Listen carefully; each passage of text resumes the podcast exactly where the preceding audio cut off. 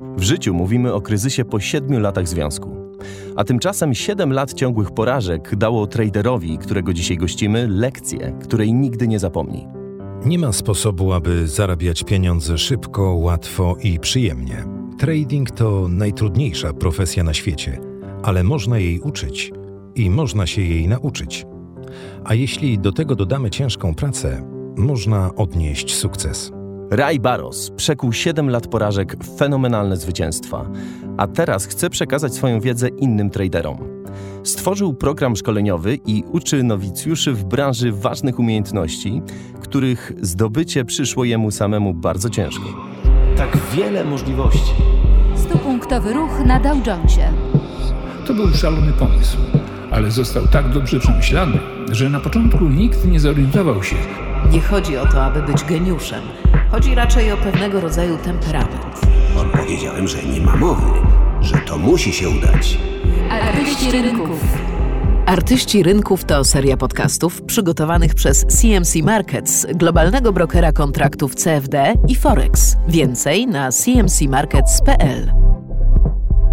Witajcie w podcaście z serii Artyści Rynków. Nazywam się Michael McCarthy i jestem głównym analitykiem rynkowym CMC Markets dla regionu Azji i Pacyfiku. W każdym odcinku rozmawiamy o wzlotach i upadkach w karierze najlepszych traderów branży i ich drodze ku sukcesom na rynkach finansowych. W swojej przeszło 30-letniej karierze Ray Barros był wielokrotnie świadkiem sytuacji, kiedy traderzy, zarówno debiutanci, jak i starzy wyjadacze, biorą łód szczęścia za przebłysk swojego geniuszu. Ba, sam był jednym z nich. Popełnił wszystkie błędy, o jakich rozpisują się podręczniki tradingu i jeszcze kilka innych. Ale w wyniku drobiazgowej analizy swoich porażek wypracował podejście, które daje mu przewagę nad innymi.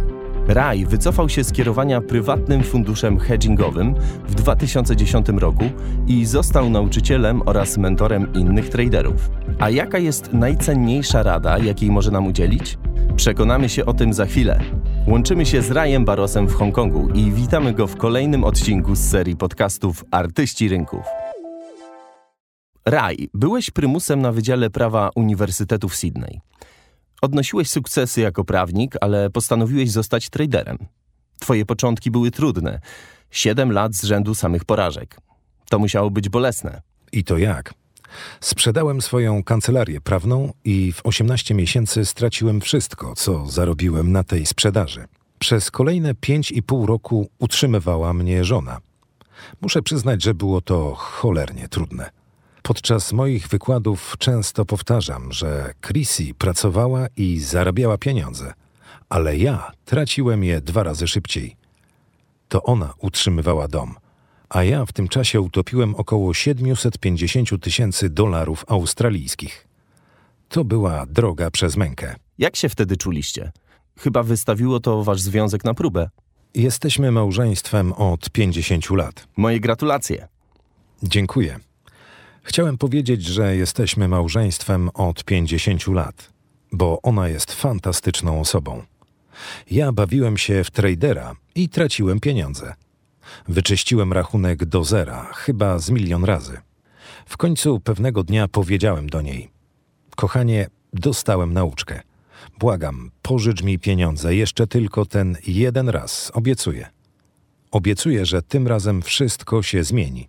Pożyczyła mi więc 25 tysięcy i tradowałem na S&P Mini, które były wtedy pełnym kontraktem. Mieliśmy 500 dolarów za punkt i nie mieliśmy Mini. Przepraszam, poprzednie S&P szły za 500 dolarów za punkt. My poruszaliśmy się w zakresie 7 punktów, a był to piątek wieczorem.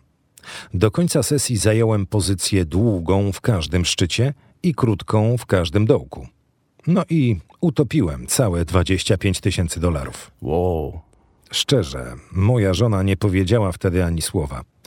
Kiedy wiele lat później odnosiłem już sukcesy, wtedy dopiero usłyszałem od niej parę gorzkich słów. Ale w tym trudnym, początkowym okresie nie narzekała nigdy. Jestem naprawdę szczęściarzem, mając tak wspaniałą żonę. Tak długie pasmo porażek może jednak podciąć skrzydła nawet najbardziej odpornemu traderowi. Jak zbudowałeś i zachowałeś się w obliczu porażek? Częściowo dzięki medytacji transcendentalnej, którą zainteresowałem się już w okresie studiów, co mi bardzo pomogło w późniejszym życiu. Badania pokazują, że medytacja mindfulness, a zasadniczo każda forma medytacji, ale mindfulness szczególnie, pomaga pozbyć się wątpliwości na własny temat. Tak bym to ujął. Ja miałem też szczęście dlatego, że pochodzę z rodziny, która wpoiła mi, że nie ma rzeczy niemożliwych. Wystarczy tylko bardzo chcieć i wytrwale dążyć do celu. Było to trudne, nie przeczę. Bywały momenty, że dopadały mnie wątpliwości i chciałem to wszystko rzucić. Czy aby na pewno się do tego nadaje? Miałem jednak solidne wsparcie. Wspierała mnie żona. Mogłem także polegać na rodzinie i na tym, czego nauczono mnie w domu. No i pomogła medytacja transcendentalna. Wszystko to sprawiło, że nie poddawałem się i parłem do przodu. Wygląda na to, że pewność i wiara w siebie to kluczowe cechy dla tradera. Sądzę, że są szalenie ważne. Trading to jedyna na świecie gra, w której musimy postępować wbrew naturalnym instynktom, bo przecież człowiek instynktownie ucieka od bólu, a lubi rzeczy przyjemne. W tradingu straty są bardzo bolesne, ale są nieodłącznym elementem gry, koniecznym do osiągnięcia sukcesu. Musimy je po prostu zaakceptować i starać się ponosić jak najmniejsze straty na jak najwcześniejszym etapie. Jeśli pozbędziemy się strachu przed utratą pieniędzy, rynek nam się odpłaci. Zatem pewność i wiara w siebie są absolutnie konieczne. A jakie Twoim zdaniem inne cechy musi posiadać urodzony trader? Nie uważam, że traderem trzeba się urodzić. Sądzę, że w tradingu najfajniejsze jest właśnie to, że wcale nie trzeba być najlepszym na świecie. Trzeba za to być pewnym siebie, bo ostatecznie 90% wszystkich graczy daje ci zarobić. Moim zdaniem ważniejsze od talentu było szkolenie na temat akceptacji i zaangażowania oparte na terapii ACT, czyli terapii akceptacji i zaangażowania autorstwa Russella Harrisa, australijskiego lekarza i psychoterapeuty. Bardzo mi ono pomogło. Moim zdaniem stosowanie tych zasad w praktyce przynosi traderowi znacznie większe korzyści niż wrodzony talent. Czyli można nauczyć się być dobrym traderem? Niewątpliwie tak. Myślę, że traderzy rozpoczynający obecnie karierę nie mają pojęcia, jakimi są szczęściarzami, więc nie doceniają tego. Na całym świecie mają fantastycznych mentorów, którzy chcą przekazać im swoją wiedzę. Kiedy ja zaczynałem, jedyny rodzaj porady, na jaki mogłem liczyć w Australii, można było streścić w ten sposób: Kup ode mnie system, a jutro będziesz bogaczem. Nikt nie słyszał o podstawowym choćby szkoleniu z zakresu psychologii czy zarządzania pozycją. Nie mieliśmy wtedy takich możliwości. Aby taką wiedzę zdobyć, musiałem lecieć do Stanów na szkolenie z zakresu analizy histogramów cenowych w oparciu o technikę profilu rynkowego autorstwa Pita Stadlmayera. Zatem tak, można się nauczyć tego zawodu. I powtórzę raz jeszcze, dzisiejszy traderzy mają naprawdę ogromne szczęście. Też tak myślę. A kto ciebie uczył zawodu? Właśnie Pete Stadlmayer. Nie wiem, czy nasi słuchacze będą go znać. Działał w latach 70. i na początku lat 80. To właśnie on rozpropagował technikę analizy wykresów cenowych, czyli profilu rynku. Poleciałem wtedy do niego do Stanów. Pamiętam to doskonale, bo musiałem poprosić żonę o pieniądze na wyjazd. Zgodziła się, chociaż na życie zostało jej tylko 5 dolarów dziennie. Całe szczęście, że mieliśmy wtedy mieszkanie własnościowe, więc poleciałem do Ameryki, a tam Peter zrobił ze mnie tradera. Peter Stadlmayer. Czy to nie on jest współautorem jednej z najlepszych książek o analizie rynku? Logika rynku? Tak, to on. To była książka pod tytułem Rynki i logika rynku. Peter napisał w sumie chyba cztery książki. Nie było łatwo go zrozumieć, bynajmniej. Jeśli czytałeś Rynki i logika rynku, to chyba wiesz, co mam na myśli. Ale jego teorie były fantastyczne. Twierdził na przykład, że trader plus wiedza o rynku równa się sukces. To jedna z jego najbardziej znanych maksym. I trudno się z nią nie zgodzić. Jakie inne teorie Stadlmajera zrobiły na tobie największe wrażenie? Stadlmajer skupiał się na właściwym zarządzaniu transakcją. Twierdził, że ważny jest moment wejścia, bo jeśli jest on dobrze wybrany, to trader czuje się od razu komfortowo i nie boi się tak bardzo, że rynek obróci się przeciwko niemu. Ale nigdy nie uda nam się zająć pozycji dokładnie przy najniższej ani przy najwyższej cenie. Możemy tylko zarządzać już otwartą pozycją. Pitt twierdził, że najlepsze transakcje to takie, co do których się pomyliliśmy, lecz mimo to udało nam się je zamknąć bez straty. To zrobiło na mnie naprawdę wielkie wrażenie. To nie było tak, że pojechałem na szkolenie i od razu stałem się traderem. Myślę, że zabrało mi to około 9 do 12 miesięcy, zanim wyszedłem na prostą. Ale Pitt przekazał mi podstawy teoretyczne, które od tej pory stosuję w praktyce. Chodzi o zmianę podejścia do wcześniejszego zamykania transakcji. Skąd mam wiedzieć, kiedy transakcja nie pójdzie już na pewno w zamierzonym kierunku? Nie należy bać się tego, że w momencie wyjścia z pozycji rynek odwróci się na naszą korzyść. Tego właśnie nauczył mnie Pitt. Powiedział, że jeśli wyjdę z pozycji wcześniej i okaże się to złą decyzją, zawsze mogę do niej wrócić. Nie należy się martwić wcześniejszym zamykaniem pozycji, bo strategia wychodzenia powinna opierać się na analizie struktury rynku, a nie na cenie.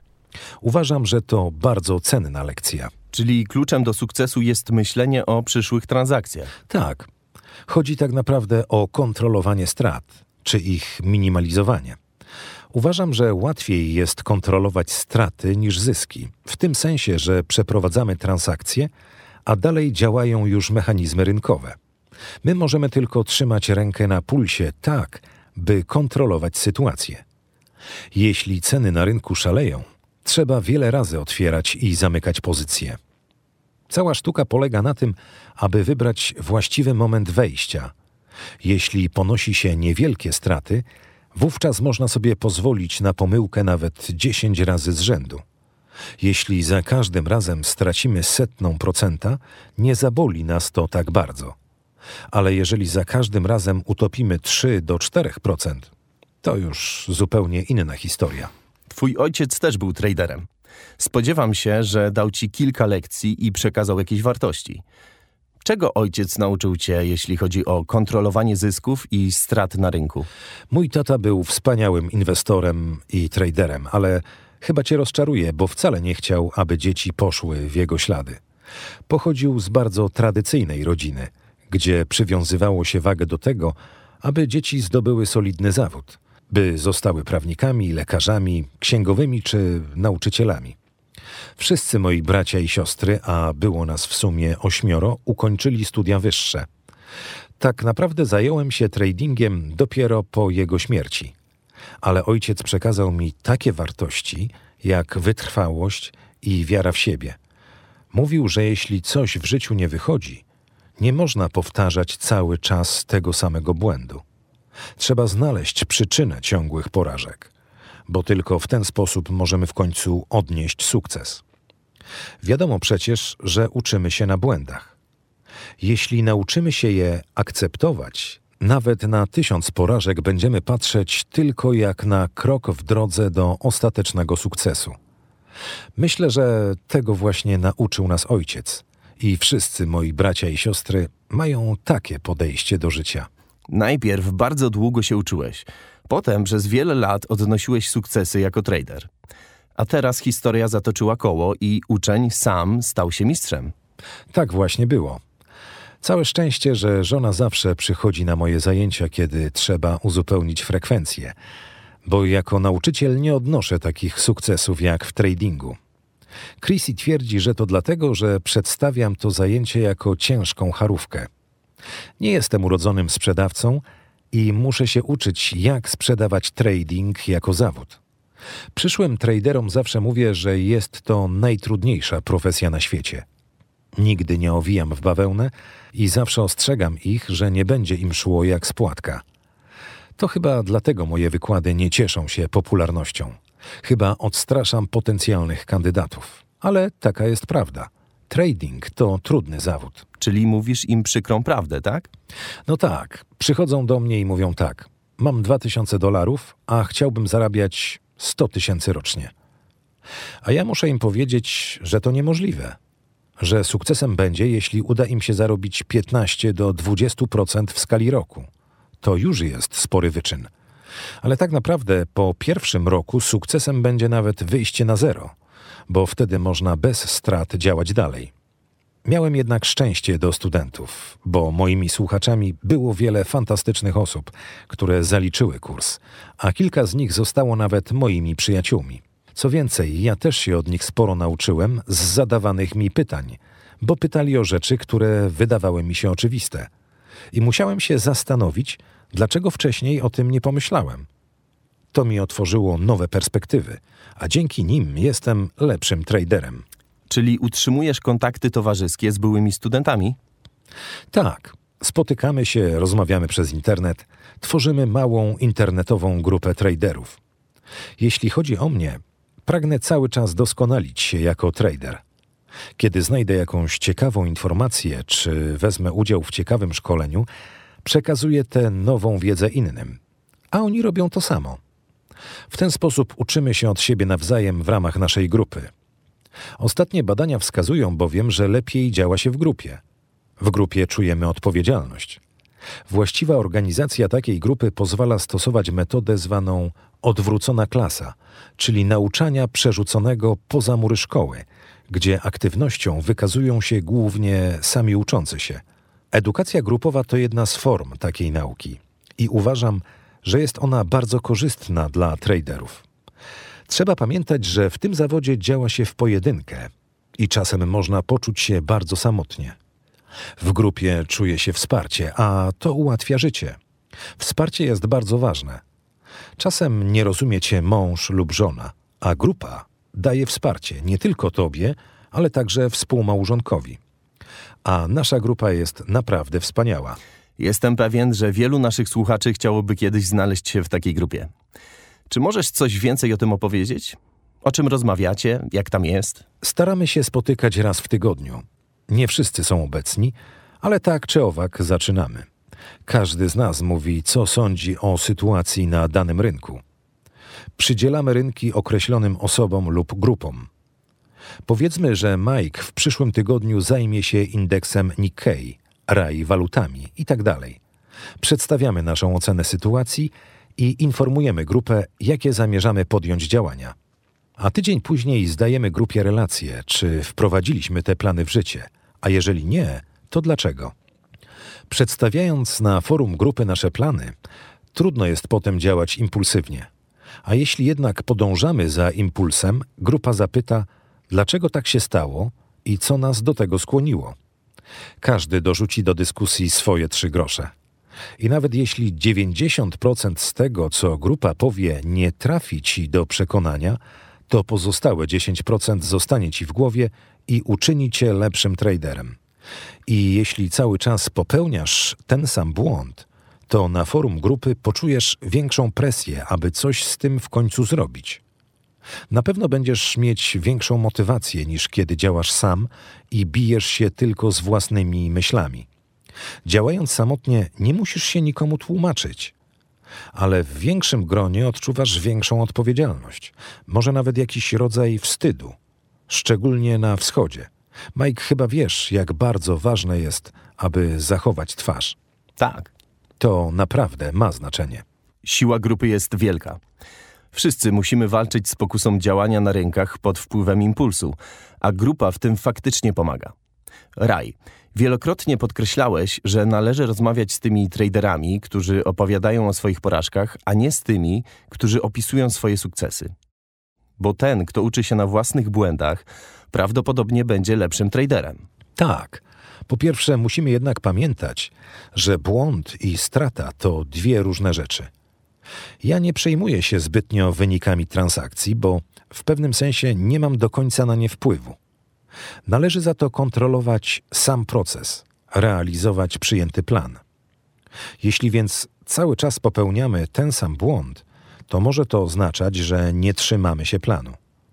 Niedawno prowadziłem szkolenie w Singapurze i jeden z uczestników wyznał, że był na wielu kursach. Zainwestował w to sporo kasy, ale chyba nie wprowadza w życie tego, czego się nauczył. Po szkoleniu zaprosiłem go na rozmowę. Okazało się, że pewne okoliczności i wydarzenia w jego życiu powodowały, że łamał własne zasady i działał wbrew sobie, jeśli mogę to tak ująć. I dlatego właśnie wyciąganie wniosków z własnych błędów jest tak ważne. Należy się zastanowić, co robimy źle. Ktoś kiedyś powiedział mi coś bardzo mądrego. To był psychiatra, mój dobry znajomy. Powiedział mi tak: Wyobraź sobie, że masz przed sobą cel, na którym ci zależy. Dążysz do niego, ale po drodze z jakiegoś powodu zbaczasz z obranej ścieżki i za każdym razem wydaje ci się, że masz dobry powód. Zapomnij o tych powodach, to są wymówki. Zastanów się, co robisz. Przeanalizuj swoją decyzję i jej skutki. Zastanów się, co było jej powodem. Pomoże ci to wrócić na właściwą ścieżkę. Sądzę, że to najlepsze podsumowanie mojego podejścia do strat ponoszonych przez tradera. Jeśli podejmuję jakąś decyzję, a jej skutki są dla mnie niepożądane, to muszę przeanalizować tę sytuację. Czym była uwarunkowana? Jak zmienić to zachowanie?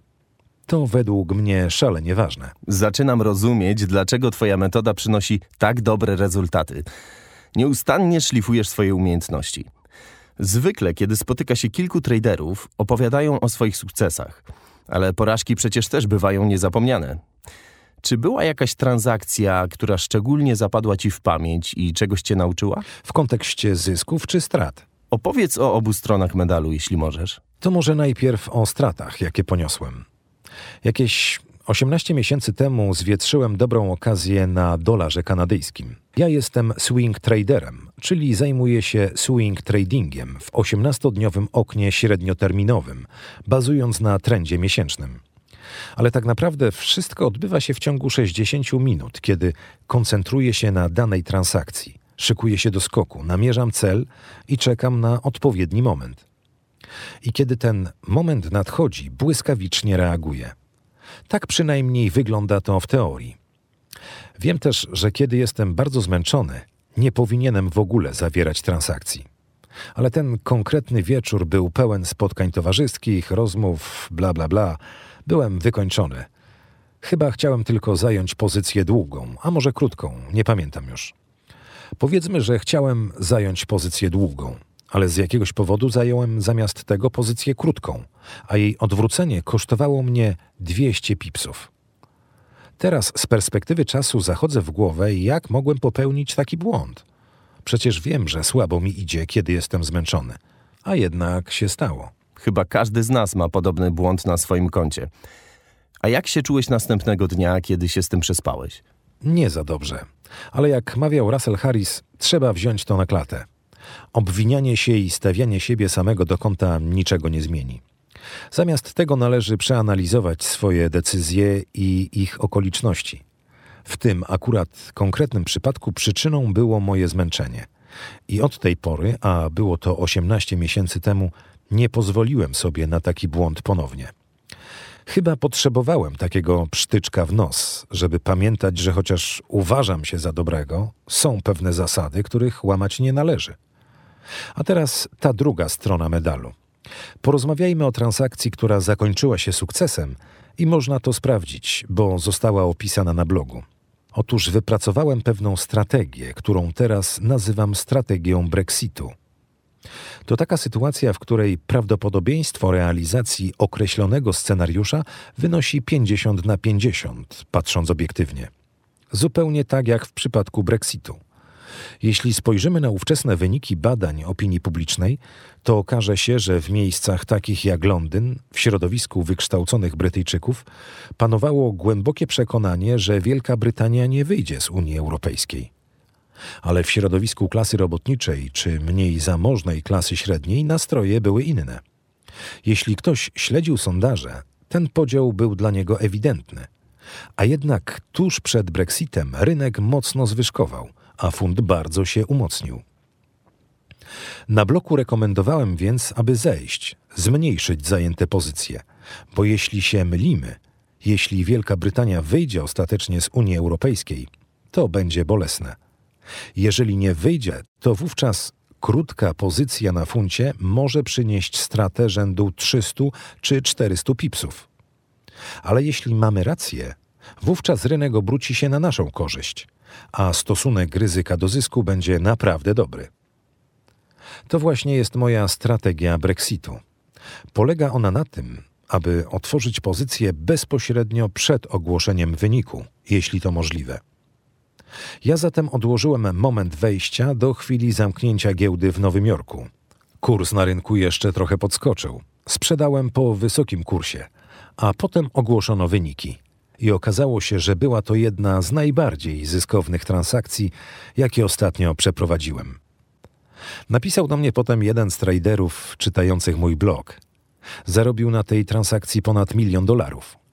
Powiedział mi, że chyba nie wierzę we własne teorie, skoro ograniczyłem pozycję do 25%. Ale ja to zrobiłem, bo uważałem, że należy odpowiednio zmniejszyć pozycję, skoro i tak to się później wyrówna dzięki zmienności. Oczywiście podziękowałem mu i pogratulowałem miliona dolarów. Podziękowałem mu też za tę uwagę, że nie wierzę we własne teorie. Bo wyobraź sobie, co by było, gdybym się jednak pomylił? Co wtedy by mi ten gość napisał? tak sobie myślę, Raj, że w ciągu godziny czy dwóch po ogłoszeniu wyniku można było zarobić gdzieś około 1200 pipsów. Tak było. A czy zamknąłeś pozycję od razu, czy troszkę poswingowałeś? Takie pozycje zamyka się w momencie, gdy w naszej ocenie kurs zalicza dołek. Nie trudno to stwierdzić, bo moja strategia to polowanie na sygnały punktu kulminacyjnego w wyprzedaży, a do oceny momentu dołowania stosuje się obiektywne przesłanki. Musi nastąpić wybicie w dół, musi pojawić się formacja w kształcie X i tak dalej. A kiedy zamknąłeś tę pozycję, wyszedłeś z transakcji. Co wtedy działo się w twojej głowie? Zazwyczaj skupiam się na strategii. Czasem zdarza się gorszy okres, ale staram się wówczas nie poddawać przygnębieniu. Wszystkim się to przecież zdarza. Są takie okresy, kiedy nic ci się nie udaje i to, co działało w przeszłości, nie działa. W takim wypadku musimy zredukować pozycję, zamknąć ją wcześniej i tak dalej. I tak samo w drugą stronę. Jeśli uda nam się dużo zarobić, dostajemy nagle skrzydeł. Czujemy się fantastycznie. Tak, właśnie. Ale nie można pozwolić, by poniosły nas emocje. Oczywiście czułem się świetnie, bo jak ma się czuć trader, któremu udało się sporo zarobić? Zysk był spory. Wszystko poszło po mojej myśli. Ale chyba bardziej cieszyło mnie to, co nastąpiło później. Nie sam wynik transakcji, ale wiadomości e-mail, które dostałem, albo komentarze na blogu. Ludzie pisali, że zdecydowali się na wejście, ale potem nie trzymali się moich rekomendacji. Zaczęli tracić i już nie zdecydowali się na powrót. To było naprawdę pouczające. Raj, znasz doskonale różne rynki. Masz wiele doświadczenia. Wiadomo, że istnieją określone trendy rynkowe, e, różne podejścia do rynków. Jak w tym kontekście zmienił się trading na przestrzeni Twojej wieloletniej kariery? Myślę, że trendy ogólnie uległy osłabieniu. Choć jeśli spojrzymy na przykład na kontrakty na SP 500, to zobaczymy bardzo silny trend wzrostowy. I wygląda na to, że utrzyma się on w przyszłości, ale zobaczymy jak będzie. Uważam, że błyskawiczny dostęp do informacji zmienił reakcję traderów na wydarzenia na rynku. Kiedy mówiło się, że rynki to taka czarodziejska kula, bo pokazują nam, jaką drogą pójdzie gospodarka. Uważam, że już tak nie jest. Dziś traderzy opierają się na informacjach napływających na bieżąco z rynku i działają pod wpływem impulsu, tak jak inwestorzy indywidualni. Mówię oczywiście o inwestorach instytucjonalnych, bo to oni są animatorami rynku i to oni właśnie reagują na bieżące wiadomości z rynku. Pracujący dla nich młodzi traderzy działają zwykle pod wpływem impulsu, a Brexit jest tego najlepszym przykładem. Nie sądzę, aby w dawnych czasach taka sytuacja mogła mieć miejsce. Tak więc uważam, że trendy ogólnie rzecz biorąc słabną, szczególnie na rynku walut. Częściej za to obserwujemy gwałtowne skoki notowań, co skutkuje częstym otwieraniem i zamykaniem pozycji, czyli tak zwanym piłowaniem. Musimy więc szybciej decydować się na wyjście z marnej transakcji, bo jeśli coś idzie nie po naszej myśli, lepiej zamknąć pozycję wcześniej niż później. Dzięki temu będziemy mogli do niej wrócić. Rynek bardzo się zmienia, a zmiany zachodzą szybko. Trochę inaczej sprawa wygląda, jeśli chodzi o indeksy giełdowe. Luzowanie ilościowe ograniczyło możliwości zajmowania pozycji krótkich. Wspiera za to trendy wzrostowe. Choć rezerwa federalna zapowiedziała zakończenie luzowania ilościowego, nadal pokutuje takie przekonanie, a mówię tu o moich znajomych, którzy biorą udział w grze rynkowej, na przykład jako zarządzający funduszami hedgingowymi itd. Tak Otóż nadal pokutuje przekonanie, że jeśli jutro nastąpi jakiś krach na rynku, to Fed przybędzie z odsieczą niczym rycerz na białym koniu i wpompuje w rynek rządowe pieniądze. Panuje takie przekonanie, że rynek sam się nie podniesie, a indeksy giełdowe nie wrócą do normalnego poziomu. I to budzi moje obawy, bo w pewnym momencie pompowanie wielkich rządowych pieniędzy przestanie po prostu działać. Sytuacja zacznie wracać do normalności, trend się odwróci, a stopy procentowe zaczną znowu rosnąć. Ja podpisuję się pod teoriami głoszonymi przez austriacką szkołę ekonomii. Jestem przekonany, że gospodarka pójdzie właśnie w tym kierunku, że stoimy u progu głębokiej recesji, może nawet krachu gospodarczego, a jego przyczyną będzie właśnie wieloletnie pompowanie w gospodarkę rządowych pieniędzy. Bardzo jestem ciekaw, co wydarzy się w perspektywie kolejnych 4-5 lat i czy obrócimy tę sytuację na naszą korzyść na rynkach akcji. To prawda. Często największe zyski notujemy jako traderzy w wyniku spadków na rynku, szczególnie na rynku akcji. Czy nie sądzisz, że przez to patrzymy na rynki nieco tendencyjnie? Nie, nie uważam, że można nas tak podsumować. Sądzę, że każdy trader działa na swój sposób tendencyjnie.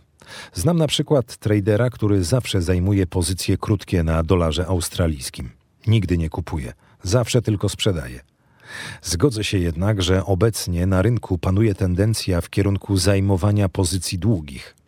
Oczywiście znajdą się zawsze tacy, którzy będą sprzedawać, aby rynek nie poszybował zbyt wysoko. Tak to w tej chwili wygląda. Ja sam należę raczej do obozu sprzedających niż kupujących.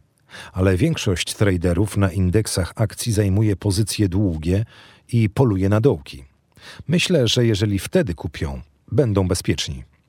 Jednak ludzie tacy jak ja, którzy pamiętają krach z 1987 roku, widzą, że rynek zwalnia i ma zadyszkę.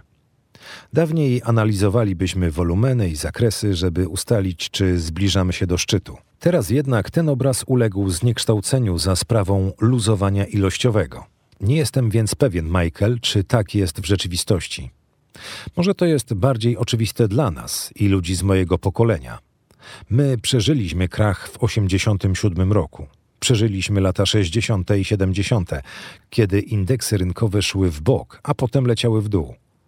Ja rozpocząłem tę grę jeszcze na uniwersytecie i oczywiście od razu straciłem pieniądze. Co do grosza.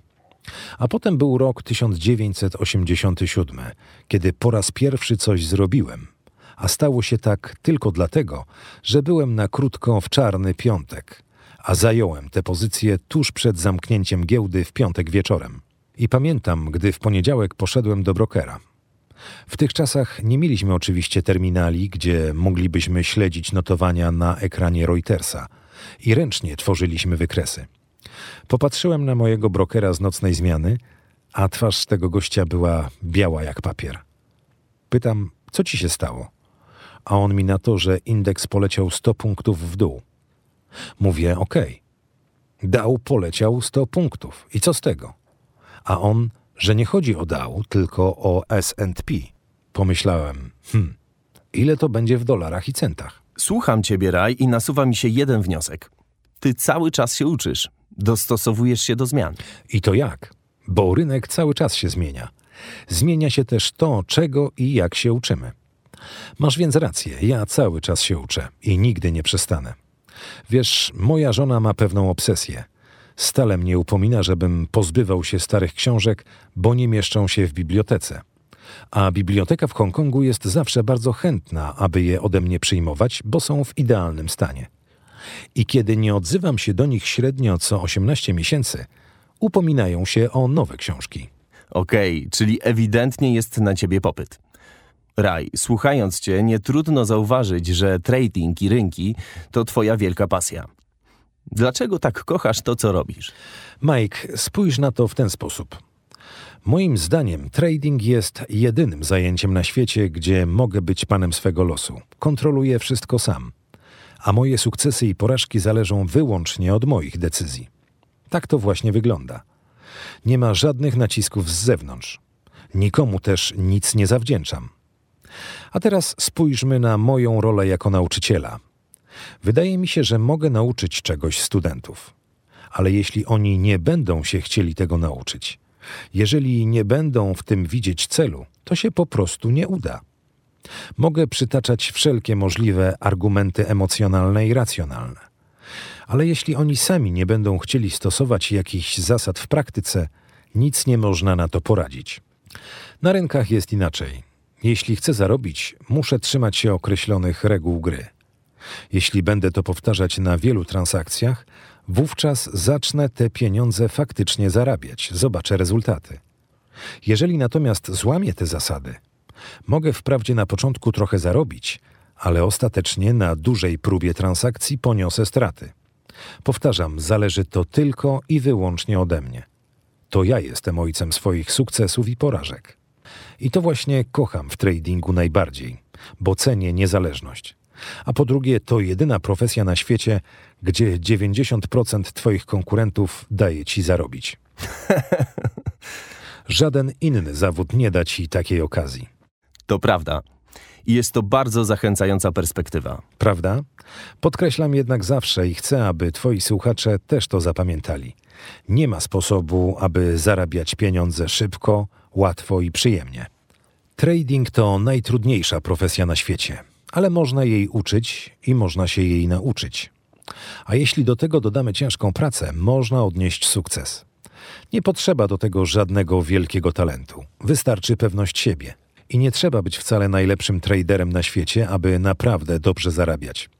Bo na tradingu można zbić fortunę. Jest tylko jeden warunek: trzeba podejmować właściwe decyzje i trzymać się określonych zasad. Zapomnijcie więc o mrzonkach, że można zainwestować 1000 dolarów i w przyszłym roku zobaczyć na swoim koncie 20 milionów. To nie tak. Ale stopniowo, krok po kroku, pieniądze na koncie będą rosły.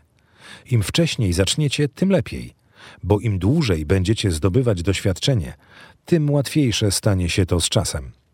Najbardziej lubię, kiedy dostaję podziękowania od traderów oraz ich żon czy mężów. Piszą, że gdyby nie ja, gdyby nie moja pomoc, to nie wiadomo w jakiej byliby teraz sytuacji. Tego typu wiadomości. Bardzo mnie to cieszy. Dla mnie to jest warte więcej niż milion dolarów. Rozumiem. Raj, wywiad z tobą był naprawdę fascynujący. No i dobrze się przy tym bawiliśmy. Dziękuję, że poświęciłeś nam swój czas i podzieliłeś się z nami swoją wiedzą. Ja również dziękuję.